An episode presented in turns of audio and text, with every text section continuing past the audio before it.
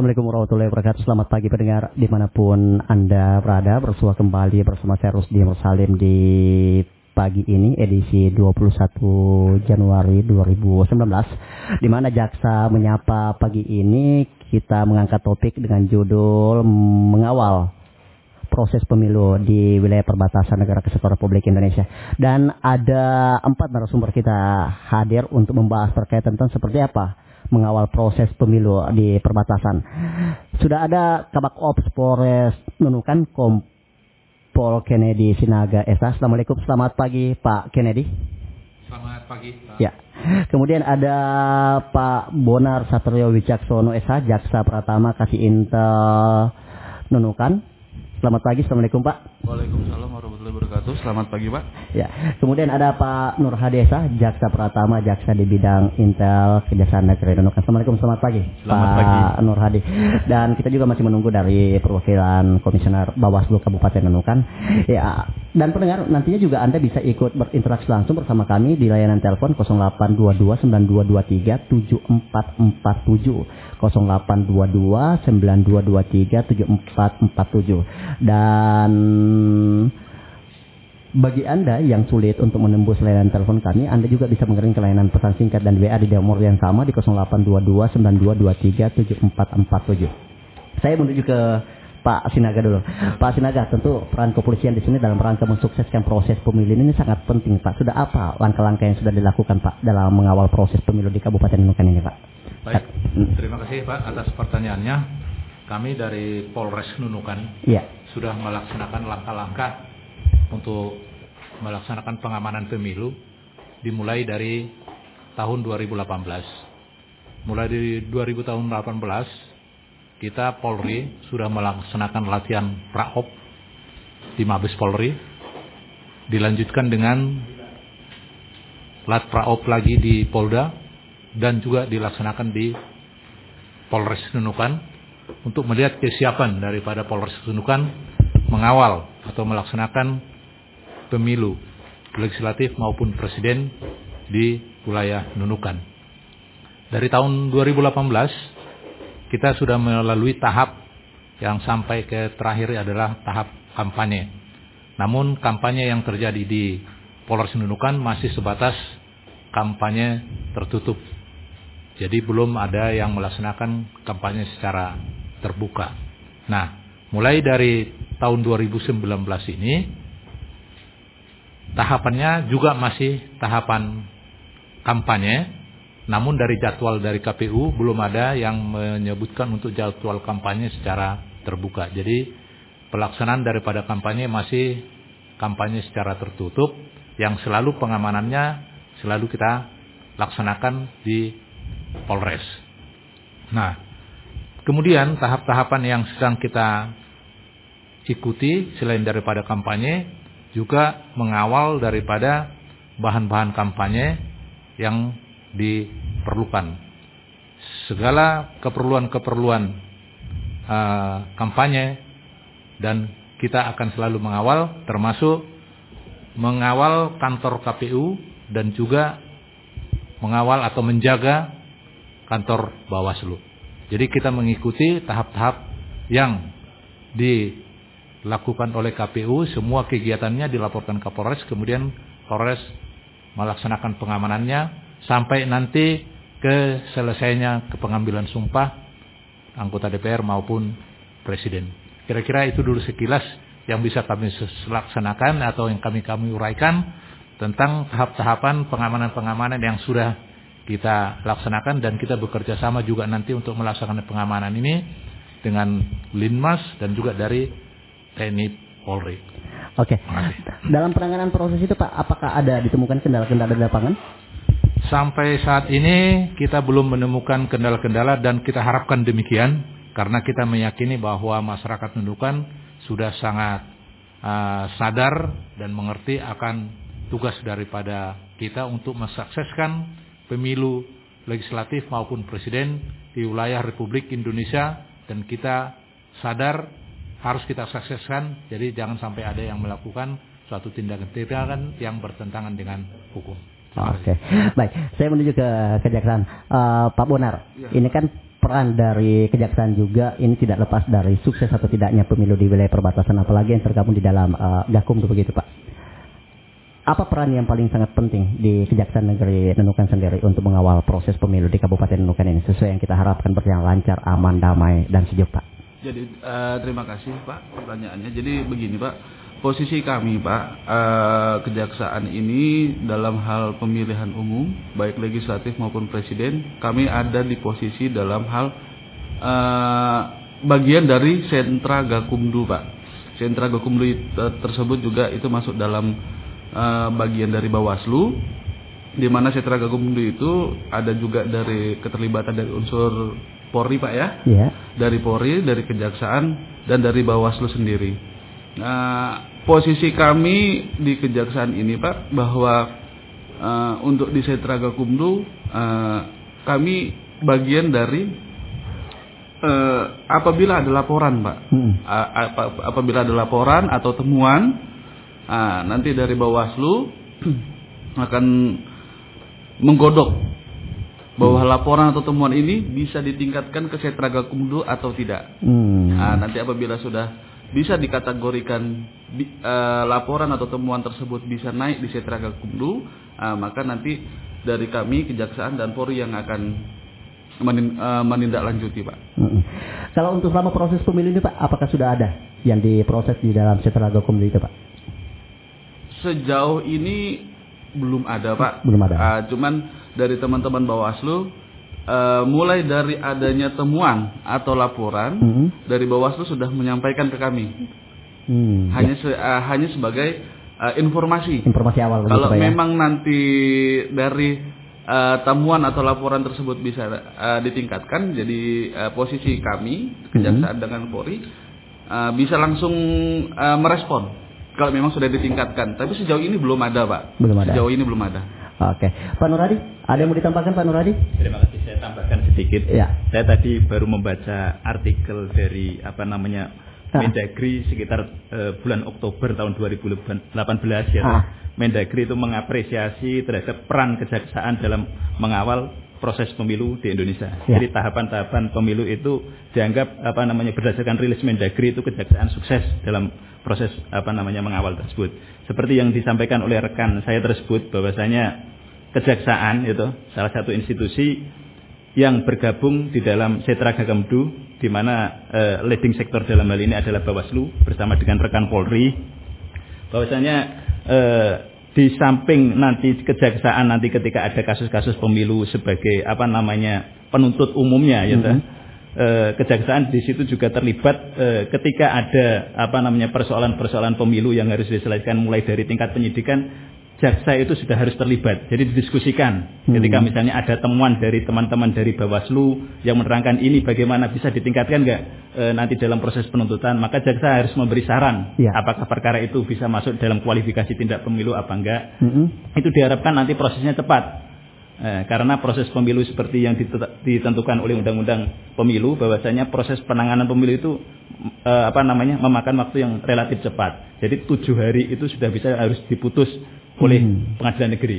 Iya. Nah, jadi saya saya kira itu dulu yang perlu saya sampaikan. Oke, baik Pak Bonar, Pak Sinaga dan uh, Pak Nurhadi akan yeah. banyak nanti kita akan yeah. uh, melebarkan terkait tentang pembicaraan bagaimana mengawal proses pemilu di perbatasan. Saya menuju ke Pak Haryadi, koordinator pengawasan dan hubungan masyarakat antar lembaga Bawaslu Kabupaten Nunukan. Assalamualaikum. Waalaikumsalam. Ya, bagaimana kabar Pak Riyadi? Alhamdulillah baik. ya, Pak Riyadi kita dengar tadi ada penjelasan ya. semuanya dari kepolisian maupun daripada kejaksaan seperti apa mereka sudah melakukan terkait tentang langkah-langkah strategi-strategi dalam ikut turut serta mensukseskan proses pemilu yang kita harapkan aman, damai, jalan lancar dan sejuk seperti itu. Pak Riyadi, kalau untuk selama proses pemilu dalam pelaksanaan 2019 yang serentak ini, ini kan merupakan sejarah bagi Indonesia karena bergabungnya ada lima pemilihan DPRD kabupaten, DPRD provinsi, DPD, kemudian uh, pilpres ini kan memang sangat rawan untuk di wilayah perbatasan Kabupaten Nunukan. Apalagi pada tahun tahun sebelumnya pilkada kita untuk Kabupaten Nunukan masuk dalam zona merah. Nah ini tentu pengawasan yang ketat harus dilakukan sehingga kejadian zona merah ini tidak terulang lagi di wilayah perbatasan Kabupaten Nunukan. Nah apa langkah dari Bawaslu sendiri untuk mengantisipasi sehingga zona merah ini betul-betul bisa dibendung sedini mungkin. Bung Haryadi silakan. Ya, Assalamualaikum warahmatullahi wabarakatuh. Selamat pagi untuk kita semua. Eh, baik, saya akan eh, jawab pertanyaan dari Mas Susti bahwa pertama-tama langkah awal kami yaitu menentukan indeks kerawanan pemilu. Bahwa eh, kami dari Bawaslu Kabupaten Nunukan sudah menginstruksikan kepada jajaran kami di bawah terkait uh, di bawah kecamatan maupun kelurahan terkait indeks kerawanan pemilu itu baik di tingkat kecamatan, kelurahan maupun tingkat TPS.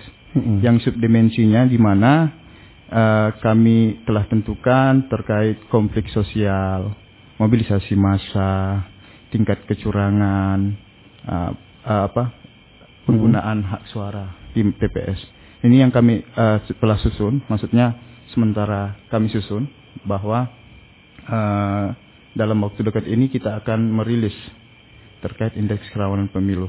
Nah, tadi yang disampaikan oleh Mas Rusdi bahwa ini adalah pemilu serentak pertama kali. Ya. Itu sejarah di mana pemilu itu adalah tata cara untuk memilih sebuah pimpin, pemimpin ya. atau jabatan uh, parlemen legislatif dalam hal lima kertas suara untuk satu TPS.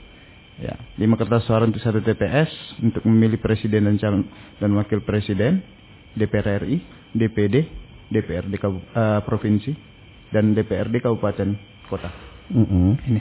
Nah, dalam rangka ini kami juga melakukan solidar melakukan dan membangun sinergisitas dan solidaritas solidaritas ke masing-masing lembaga seperti kepolisian, kejaksaan, dalam hal yang tadi telah disampaikan oleh Pak Kepolisian pengamanan maupun bergabung dalam uh, apa ya? Mm-hmm. sentra Gakumdu, ya, ya kan sentra penegakan hukum terpadu. Dalam hal ini uh, penting, sangat penting dalam hal ini dalam memutuskan sebuah dugaan pelanggaran, sebuah dugaan pelanggaran yang tadi disampaikan oleh Pak Bonar dan Bonar dan Pak Nur Hadi, yaitu ketika kami menemukan atau melakukan temuan dalam pengawasan kami menemukan dugaan pelanggaran atau adanya laporan kepada masyarakat dari masyarakat untuk uh, melaporkan ke Bawaslu. Nah, kami akan pertama-tama melakukan kajian, melakukan kajian uh, dari rujukan Undang-Undang Nomor 7 Tahun 2017 terkait uh, pemilu itu bahwa ketika ada pidana maupun uh, pelanggaran peraturan lainnya, gitu. Nah pelanggan peraturan lainnya kami kaji setelah itu kami uh, teruskan atau naikkan ke sentra Gakumdu begitu. Nah, uh, kami terus membangun bahwa membangun sinergisitas kepada pemerintah uh, dalam hal ini pemerintah juga ya pemerintah Kabupaten Nunukan dalam memfasilitasi segala keperluan-keperluan lembaga penyelenggara. Lembaga penyelenggara ini yang kami kami selalu koordinasi melakukan uh, komunikasi terkait uh, fasilitasi yang baik baik secara anggaran maupun secara uh, support untuk uh, mensukseskan pemilu jujur adil dan uh, uh, jujur adil dan ini ya, ya. terbuka. Maksudnya jujur berjurdil ya langsung umum bebas rahasia dan jujur dan adil ya. Itu. Uh, nah, ada bahasa dari ini terkait penindakan yang nanti yang setelah masuk dalam tahapan kampanye, ya dalam hal ini urgensitas ya, urgensitas ya.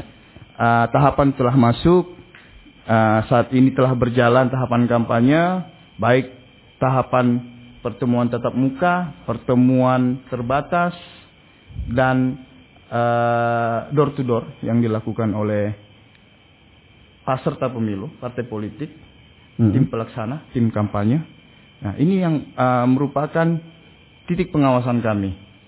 Titik pengawasan kami di uh, pemilu tahun 2019 ini. Ya, itu pertama ada rule, ada aturan yang harus dijalankan oleh partai politik dalam menjalankan kampanye tersebut di pasal 275 Undang-Undang Nomor 7 tahun 2017. Nah, hal ini harus meminta dulu surat izin STTP surat tanda terima pemberitahuan pertama kali kepada pihak kepolisian untuk melaksanakan kampanye tersebut gitu. Nah, setelah itu menembuskan pemberitahuan itu kepada Bawaslu maupun KPU. Nah, juga per, uh, apa uh, ini pemasangan alat peraga kampanye juga ada aturannya. Gitu nah. Baik hmm. dari titik koordinat yang telah ditentukan oleh pemerintah maupun di luar dari titik koordinat pemasangan APK mandiri. Nah, ini ada apa? Ada aturan yang harus dijalankan peserta pemilu dan juga kami juga membangun kemitraan baik ya. di tingkat KPU uh, maupun di peserta pemilu maupun peserta pemilu hmm. bahwa peserta pemilu bukan uh, adalah bukan objek ini bukan objek untuk kami mencari kesalahan tetapi membangun uh, ini ya membangun ya. sinergisitas dan menjalankan pemilu ini sesuai dengan peraturan perundang-undangan hmm. itu nah bahwa uh, peserta pemilu harus men lebih meningkatkan konsultasi kepada kami ya sebagai penyelenggara kepada kami sebagai penyelenggara untuk mengetahui bagaimana uh, apa aturan-aturan main kampanye itu. Hmm. Nah selama ini peserta pemilu selama ini selalu meningkatkan komunikasinya kepada kami, konsultasinya kepada kami terkait aturan-aturan baik dari Perbawaslu maupun PKPU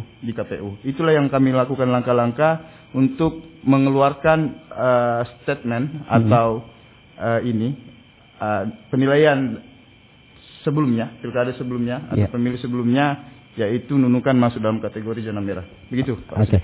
Ya, ini menarik uh, Pak Haryadi bahwa memang sudah banyak laporan-laporan yang masuk ke Bawaslu terkait tentang temuan-temuan baik dari pihak kepala desa maupun ASN yang tidak netral. Bahkan uh, menurut informasi 17 Januari kemarin sudah diputuskan terhadap dugaan pelanggaran oleh salah satu kepala dinas atau pejabat daerah yang ada di Kabupaten Nunukan. Keputusan apa yang diberikan oleh Bawaslu, Pak? terhadap dugaan pelanggaran dilakukan salah satu kepala dinas? Ya, hmm. ada beberapa yang telah digodok oleh uh, rekan-rekan sentra Gakumdu yang tergabung dalam kepolisian, kejaksaan dan Bawaslu. Ya, itu pertama terkait netralitas ASN. Ya.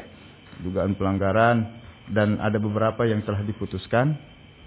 Uh, ada empat terkait netralitas ASN yang melanggar peraturan perundang-undangan lain, perundang-undangan lainnya, ya. yaitu nomor uh, Undang-Undang Nomor 5 Tahun 2014 maupun Undang-Undang Nomor uh, Peraturan Pemerintah Nomor 35 mm -hmm. uh, Tahun 2010 mm. Terkait netralitas ASN.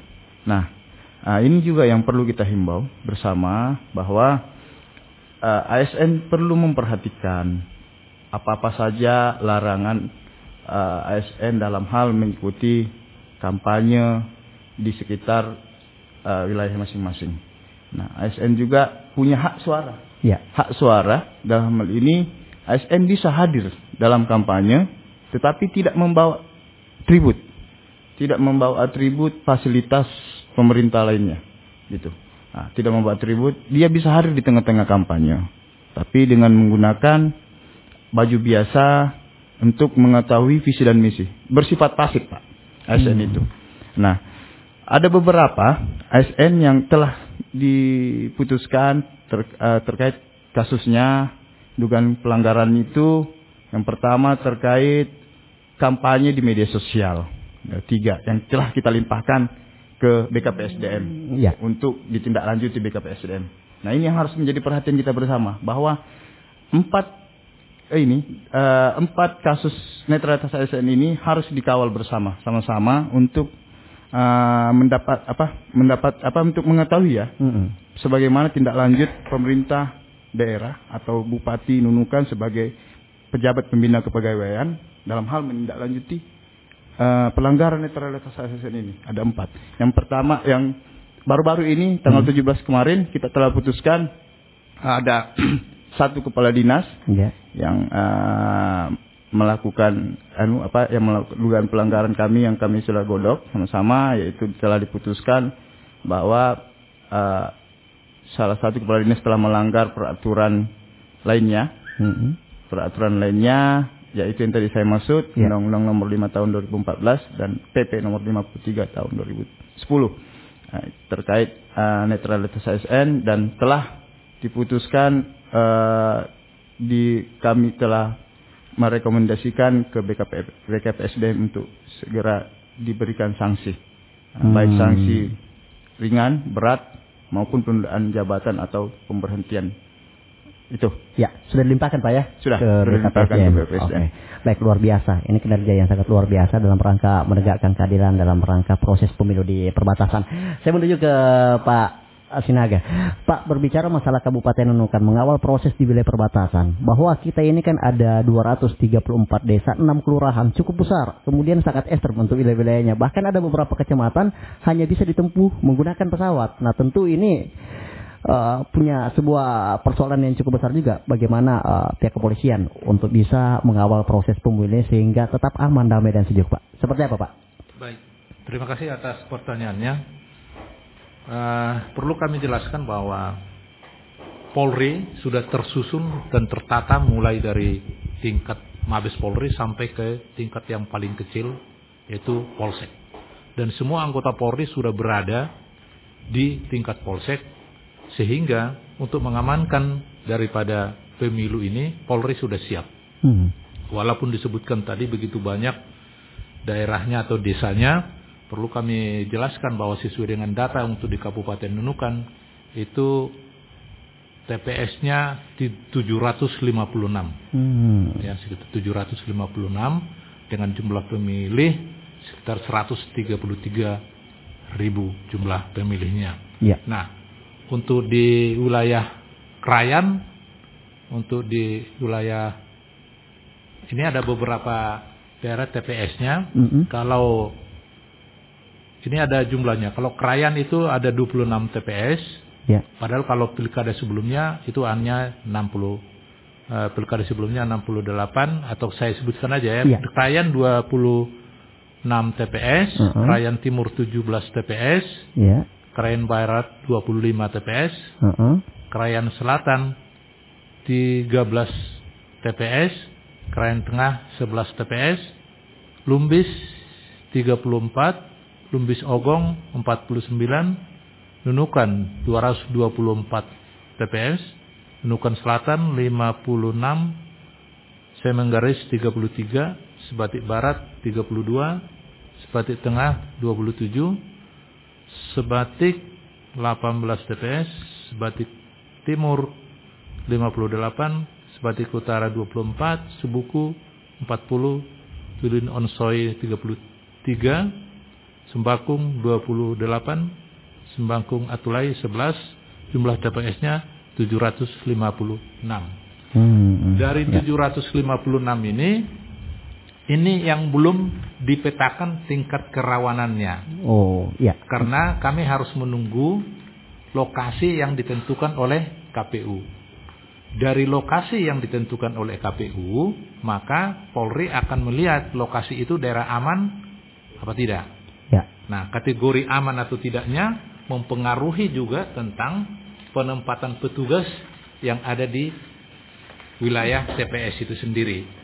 Jadi, setelah nanti KPU menyampaikan tentang lokasinya, hmm.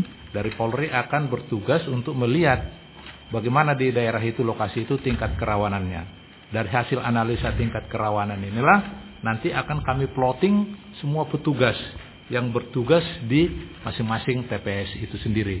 Nah, perlu kami jelaskan bahwa untuk pengamanan daripada pada saat pemungutan suara kita juga dibantu oleh dari Linmas hmm. dan juga dari TNI. Nah, berdasarkan tingkat-tingkat kerawanan itulah nanti yang akan kita tempatkan berapa jumlah uh, Polri yang bertugas, hmm. berapa jumlah Linmas.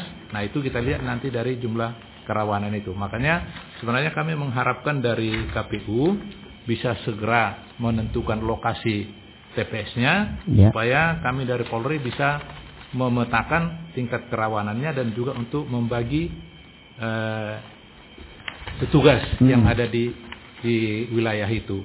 Nah, sebagai salah satu contoh, apabila TPS-nya aman, maka petugasnya nanti ada dua saja di 5 TPS dengan 10 personil. Atau 2 Polri di 5 TPS 12 Linmas. Itu aman.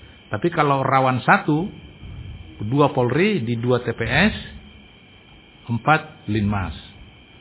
Atau bisa juga dua Polri di tiga TPS, enam linmas. Nah demikian juga untuk rawan dua. Rawan dua berarti Polri-nya dua di satu TPS. Iya. Dan dua linmas. Jadi untuk khusus, khusus ini perlu kita jelaskan TPS khusus itu hmm. yang ada seperti di daerah seperti rumah sakit atau daerah tempat-tempat yang tidak mempunyai TPS tapi memerlukan itu, nah itu daerah khusus. Nah Polri-nya dua di satu TPS dan empat linmas. Hmm. Nah itu sudah kita petakan. Nah tinggal sekarang kalau jumlahnya TPS dari data dari KPU sudah diberikan ke kita, tetapi untuk lokasinya belum di berikan sehingga kita belum memetakan karena kita bisa memetakan tingkat kerawanan itu adalah berdasarkan lokasi tempat TPS itu akan didirikan. Jadi untuk Polri sudah sudah siap karena kita juga didukung oleh anggota Polri dan juga anggota Risman, ya, Linmas dan Satpol Satpol PP. Terima kasih. Oke, uh, Pak Sinaga, ini saya mau tambahkan. Pada tahun 2018 lalu, pas bulan Maret, pada waktu itu Panglima TNI bersama Kapolri datang langsung melihat kondisi di perbatasan Kabupaten Menukan. Saat itu Panglima dan Kapolri menekankan untuk bersama-sama TNI dan Polri bersinergi untuk mengawal proses pemilu. Pertanyaannya apakah ada latihan khusus antara TNI dan Polri dalam rangka untuk pengamanan nanti setiap TPS-TPS seperti yang Bapak sampaikan tadi ada tempat-tempat rawanan yang sangat berpotensi sekali ketika sudah ada informasi dari KPU terkait ini loh lokasi pos-pos titik-titik yang bisa dipetakan itu Pak. Ya, terima kasih atas pertanyaannya. Kami dari TNI dan Polri hmm. sampai saat ini tetap terus membangun sinergitas dalam kekompakan dalam menjaga keamanan dan ketertiban di wilayah Kabupaten Nunukan dan banyak langkah-langkah yang sudah kita lakukan untuk menjalin kerjasama itu. Terus perintah dari Bapak Kapolri dan juga Bapak Kapolda, kita akan tetap mengunjungi atau saling mengunjungi yeah. di antara Polres maupun Kodim maupun Pamtas dan Lana. Nah, kegiatan-kegiatan itu sudah kita bangun secara terus-menerus. Bahkan waktu kunjungan Kapolda, Bapak Kapolda kemarin, yeah. beliau berkunjung ke ke Pamtas.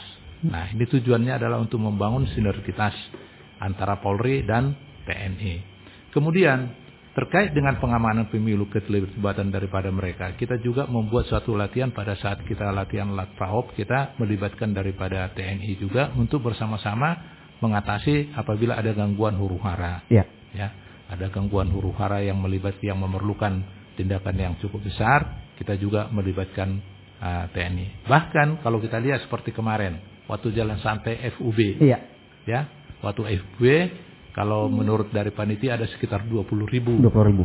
Uh, uh, masyarakat, masyarakat yang ikut jalan santai dari GOR sampai ke alun-alun. Nah, kita melibatkan dari TNI, Polri yang sebagai koordinator keamanannya dengan melibatkan Kodim, melibatkan Lanal, melibatkan Pamtas. Kemudian kita dibantu oleh Disub, dibantu lagi dari Satpol PP dan juga dari Senkom. Nah, pelaksananya bisa kita lihat begitu kompaknya aparat dalam menjaga keamanan jalan santai kemarin sehingga tidak ada gangguan dan ini juga menunjukkan bahwa masyarakat Nunukan itu sudah sadar hukum dan sudah me mentaati segala aturan-aturan dan tidak ada lagi yang perlu gesekan-gesekan yang timbul di Kabupaten Nunukan. Kami percaya itu dengan bantuan dari tokoh-tokoh masyarakat, tokoh-tokoh agama untuk selalu memberikan pencerahan kepada masyarakat untuk tidak melakukan suatu tindakan anarkis. Tetapi apabila suatu ada permasalahan agar dimusyawarahkan dan jalan terakhir apabila tidak ketemu jalan musyawarahnya agar ditempuh dengan jalur hukum. Apabila itu ditaati kami yakin bahwa tidak akan ada lagi perselisihan yang memerlukan atau mengambil suatu tindakan anarkis atau dengan main hakim sendiri. Jadi untuk Polri untuk melakukan keamanan ini kita didukung oleh dari TNI, TNI dan juga dari unsur-unsur yang lainnya. Terima kasih. Baik, luar biasa. Uh, uh, tentu semuanya harus bersinergi Pak ya dalam rangka mensukseskan pemilu ini. Semua memiliki peran-peran yang cukup penting dan sangat strategis. Ya, saya ke kejaksaan Pak Bonar seperti yang disampaikan oleh dari kepolisian Pak Sinaga, kemudian dari Bawaslu sendiri terkait tentang memang setiap tahapan proses memang sangat-sangat ini uh, banyak hal-hal yang harus ditempuh. Termasuk tadi bagaimana mengambil keputusan yang tepat ketika ada laporan-laporan yang masuk seperti pelanggaran-pelanggaran tidak netralnya seorang ASN maupun mungkin ada juga masyarakat yang ASN tetapi tidak memahami terkait tentang undang-undang tersebut. Apa pun yang dilakukan dia tidak memahami ternyata dia melakukan pelanggaran seperti itu. ini mungkin ada peran dari kejaksaan sendiri. Mungkin apakah ada program khusus sendiri untuk menyampaikan ke masyarakat atau sosialisasi untuk bersama-sama menyukseskan pemilu di perbatasan ini, Pak Bonar. Terima kasih Pak. Untuk di kami memang program itu ada Pak. Ada Pak ya? Uh, ada untuk program itu, uh, cuman karena saat ini kondisi ini uh, sudah mungkin mau masuk. Uh -uh. Tapi sudah uh, pernah berjalan Pak ya, sudah berjalan ya? Sudah, sudah, ya, sudah, uh, sudah pernah berjalan. Uh, mungkin saya akan ke depannya saya akan bekerja sama dengan Bawaslu. Iya. Untuk ke depannya kan ini kan begini Pak. Ini kan uh, masa kam, uh, masa pemilihan ini tidak hanya untuk pileg dan pilpres. Betul. Karena tahun di, tahun depan masih ada pilkada. Pilkada betul. Nah, hmm. Jadi sebetulnya sebetulnya masalah pemilihan ini tuh tidak cuma hanya sampai tanggal 17 April. Ya. Tapi sampai berkesinambungan. Ya? Berkesinambungan. Ya? Gitu loh. Mungkin kalau uh, saat ini kesalahan-kesalahan atau pelanggaran-pelanggaran ASN uh, eh, di masyarakat mungkin karena ketidaktahuan. Ya. Nah, itu nanti biar Bawaslu yang menggodok. ya. Kalau memang pelanggaran tersebut masuk dalam kategori bisa ditingkatkan ke sentra Gakumdu, maka kami dari Kejaksaan dan Kepolisian akan menindaklanjuti tapi kalau masih masih bisa uh, tidak masuk dalam kategori berat mungkin uh, diputus dari Bawaslu, Bawaslu sendiri. sendiri. Uh, uh, Oke. Okay. Pak Nur Hadi, mungkin ada yang mau ditambahkan Pak Nur Hadi? sebentar cukup aja ya. ah, ya, baik. Uh, tentu memang kita berharap bahwa memang pelaksanaan pengawalan proses pemilu ini seluruhnya saling sinergi Pak ya dari kejaksaan, dari kepolisian, dari Bawaslu sendiri termasuk juga dari peserta pemilu sendiri untuk bagaimana mentaati semua proses-proses yang undang-undang yang sudah berlaku diatur dalam KPU sendiri. Dan kita juga harapkan mungkin dalam waktu dekat KPU juga bisa segera mengeluarkan rilis yang seperti yang diharapkan dari kepolisian sendiri sehingga pemetaan-pemetaan tempat-tempat lokasi-lokasi TPS bisa dipetakan sedemikian rupa karena mengingat waktu berjalan terus tinggal menghitung uh, minggu lagi kita memasuki mungkin sekitar berapa minggu lagi ada Pak? Ada 30 minggu lagi. 8 minggu untuk masuk ke Iya, 80 harian lagi Pak ya, oh, 17 April. Dan tentu ini waktu yang uh, sangat singkat ketika berbicara 80 hari. Baik, uh, Pak Haryadi, berhubungan terkait tentang pengawasan dan hubungan masyarakat dan antar lembaga. Nah, kita tentu kembali lagi ke terhadap pemilih pemula pemilih pemula ini sangat rawan dan sangat riskan terhadap politik-politik uang dan sangat labil. Nah ini peran Bawaslu seperti apa ini? Langkah-langkah strategi yang sudah dilakukan sehingga betul-betul pemilih pemula ini mereka bisa menjadi pelopor, bisa menjadi terdepan, mereka yang bisa mengawasi dan turut andil untuk mensukseskan pemilu, bukan mereka muda. Nantinya diberikan pengaruh-pengaruh iming-iming uang dan ini yang banyak terjadi. Sementara potensi kesuksesan pemilih itu tidak lepas dari tangan pemilih pemula. Seperti apa, Pak Haryadi? Ya, baik. Terima kasih pertanyaan dari Pak Rusdi. Uh, ya, terkait pengawasan hmm. yang tadi disampaikan oleh Pak Kejaksaan, ya. yaitu leading sektornya adalah Bawaslu. Ya. Leading sektornya adalah Bawaslu dalam hal uh, ini, dalam hal menjalankan pemilu atau menegakkan keadilan pemilu, menegakkan peraturan perundang-undangan pemilu. Ya.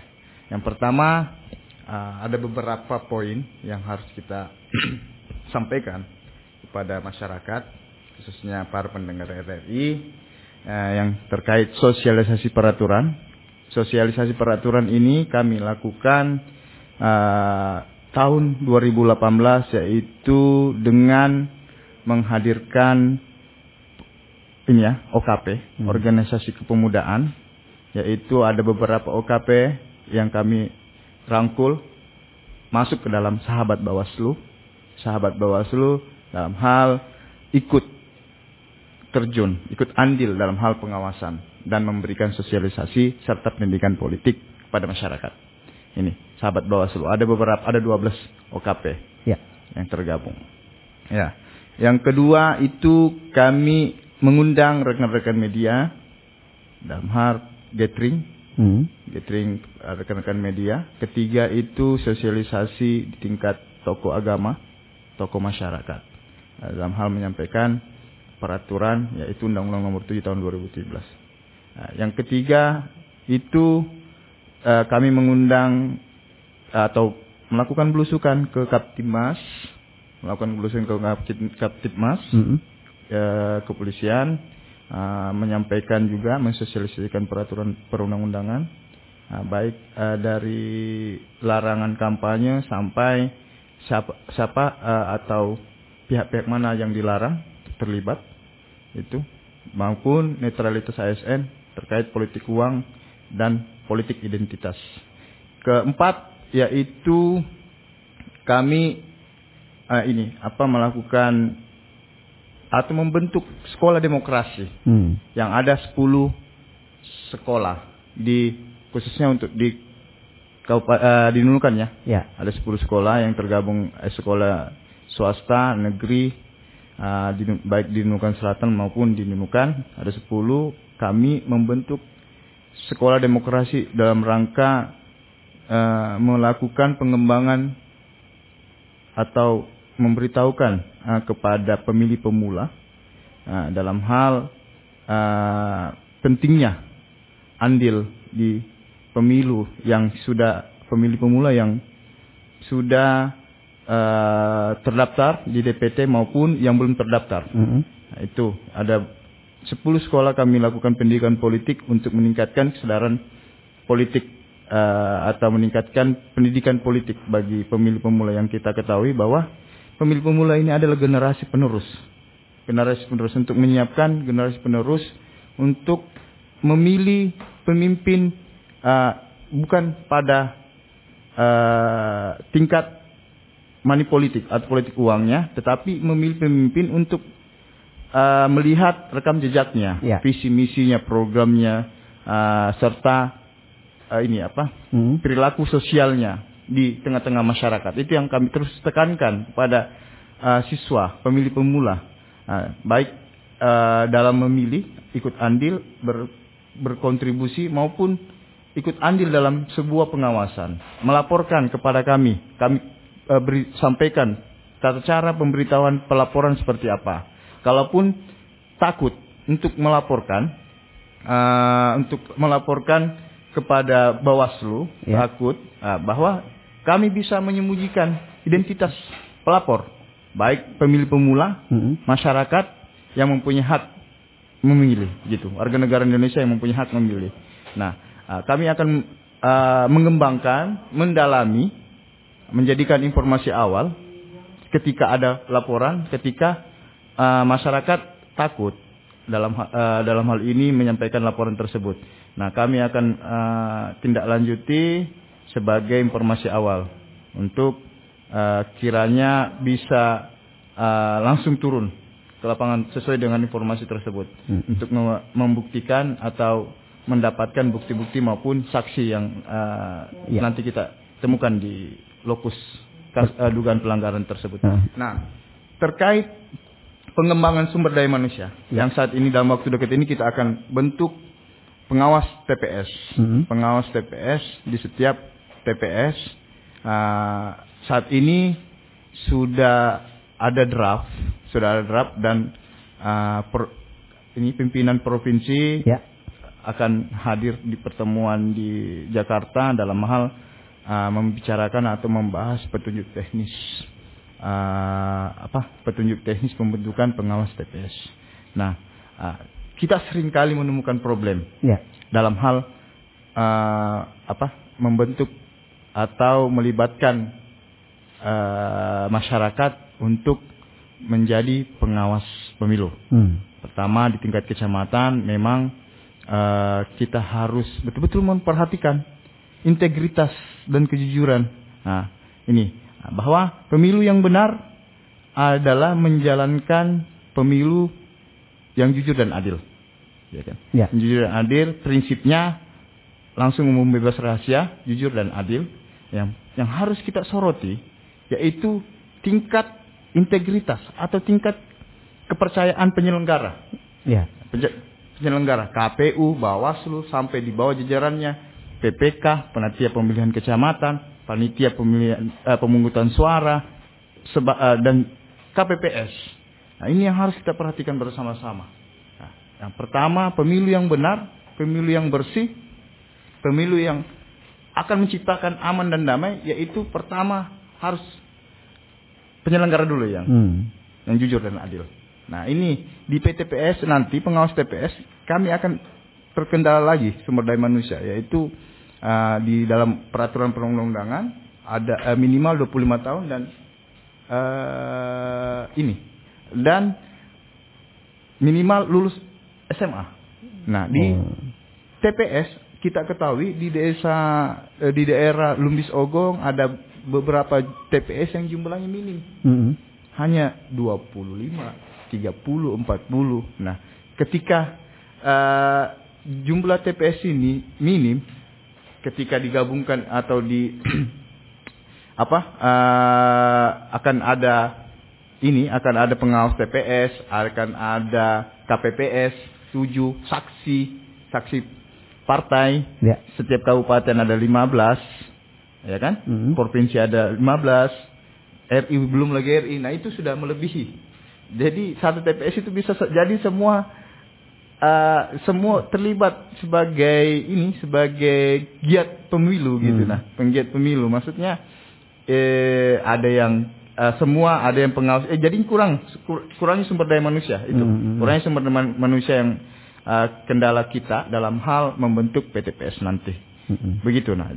Nah itu uh, sedikit ini terkait money politik dan politik identitas, politik sara itu uh, bahwa kita tekankan dalam hal ini uh, apa pemuka agama, uh, pemuka agama, pemilih pemula dan seluruh masyarakat warga negara Indonesia yang pilih punya hak pilih di Kabupaten Nunukan khususnya yaitu uh, untuk melawan politik uang. Melawan politik uang tidak berkampanye di uh, masjid atau di tempat ibadah, gereja, masjid uh, ini uh, dan uh, apa tempat ibadah Buddha mm-hmm. itu uh, ini juga kita selalu tekankan, selalu sosialisasikan bahwa tim pelaksana, tim kampanye itu untuk uh, tidak melakukan kampanye dan menyebarkan bahan kampanye di fasilitas pemerintah, fasilitas pendidikan, tempat ibadah, ataupun di tempat yang dilarang oleh peraturan perundang-undangan lainnya. Nah itu. Uh, yang yang tadi itu yang saya sampaikan bahwa pemilih pemula kita selalu melakukan uh, sosialisasi. Uh, kemarin kita sudah juga melakukan sosialisasi kepada pemilih pemula ada 150 peserta hmm. yang dilaksanakan oleh rekan-rekan mahasiswa dari Universitas Melawarman yang kami terus sampaikan bahwa pemilih pemula mempunyai peran penting. Nah, begitu juga kita juga dalam hal ini uh, masyarakat pinggiran, ya. masyarakat pinggiran atau masyarakat perbatasan sangat menentukan, hmm. sangat menentukan untuk memilih pejabat atau pemimpin yang mau diawasi dan terbuka ke depan dalam pemilu 2019 itu. Oke, okay, baik. Sebelum kita lanjut saya coba baca pesan dari masyarakat. Assalamualaikum warahmatullahi wabarakatuh. Waalaikumsalam. Duduknya Bawaslu, Kejaksaan dan Kepolisian tanda-tanda bahwa pemilu di Kabupaten Nunukan akan berjalan lancar dan aman. Amin. Kita harapkan itu percaya. Ah, duduknya dari sentra hukum itu tentu semuanya akan berjalan lancar. Sebenarnya banyak sekali Pak yang akan kita bahas pagi ini hanya keterbatasan waktu kita sampai satu jam saja. Ada waktu kita 6 menit. Mungkin closing statement masing-masing satu menit dari Pak Sinaga dulu. Silakan Pak, satu menit Pak. Baik.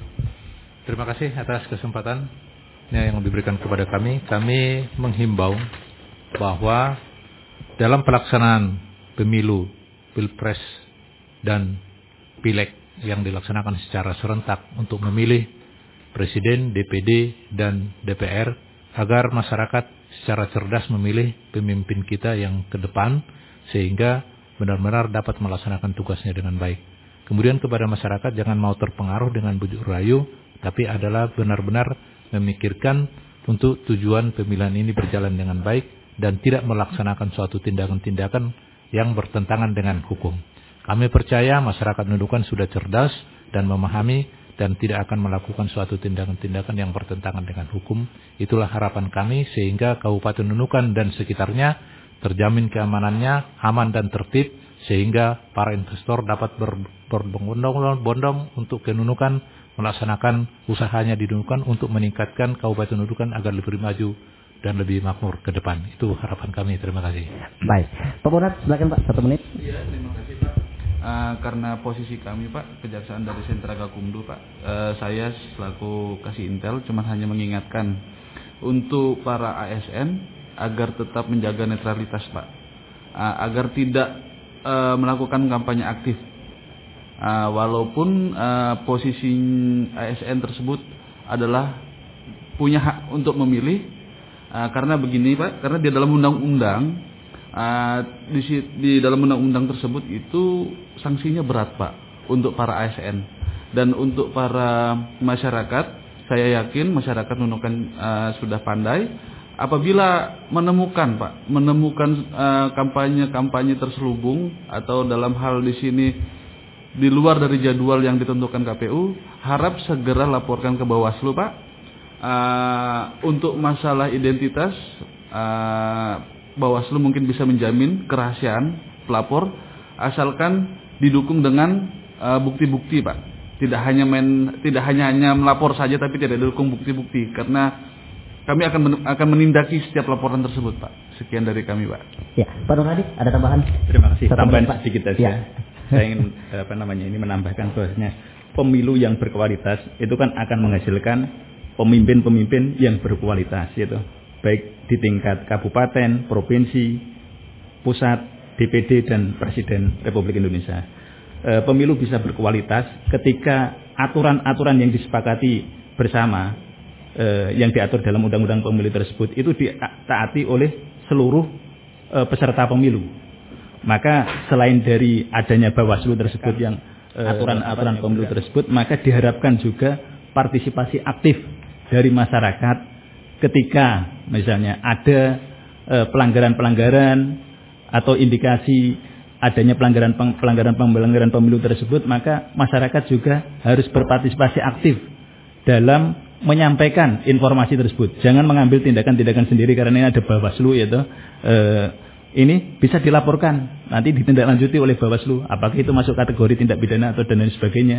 Makanya setiap ini yaitu persoalan klasik yang dalam setiap pemilu itu persoalan yang paling banyak itu adalah terhadap money politik gitu. Pasti itu selalu ada money politik money politik. Eh, ini memang di sebagian masyarakat kita ini masih ada kesan gitu. Kalau bahasanya orang Jawa itu adalah wani piro gitu. Eh, eh, eh, siapa yang memberikan apa itu yang akan dipilih itu dalam ada gium politik seperti itu. Makanya masyarakat ini harus cerdas ketika apa namanya apa namanya eh, parameter yang digunakan itu adalah uang gitu itu pasti tidak akan menghasilkan pemimpin-pemimpin yang berkualitas. Eh, nanti pasti dia akan eh, pemimpin-pemimpin eh, yang terpilih itu karena faktor uang, pasti dalam jangka pendek dia pasti akan berpikir bagaimana dia mengembalikan eh, apa namanya modalnya yang telah dikeluarkan untuk jabatan-jabatan politik tersebut. Jadi ini juga akan merusak generasi muda kita yang mungkin punya visi untuk dalam membangun eh, bangsa ke depan. Sebenarnya dia dia nggak punya sumber daya eh, apa namanya modal yang besar tapi punya dia gagasan-gagasan yang bagus dia nanti eh, tidak akan bisa untuk mengikuti proses pemilu tidak bisa akan menjadi pemimpin. Jadi ini kita yang kawal kita bersama-sama bahasanya pemilu untuk ini untuk kita semua. Saya kira itu yang perlu saya tambahkan. Oke okay. baik luar biasa. Pak Haryadi silakan Pak satu menit. Ya pastinya uh, yaitu pastinya pen, pastinya pentingnya sebuah partisipasi masyarakat aktif dalam hal melaporkan seluruh dugaan pelanggaran atau melihat langsung melihat langsung di lokasi kampanye maupun di uh, di sekitar wilayahnya lingkungannya ketika melihat uh, politik uang dan politik identitas yaitu politisasi sara.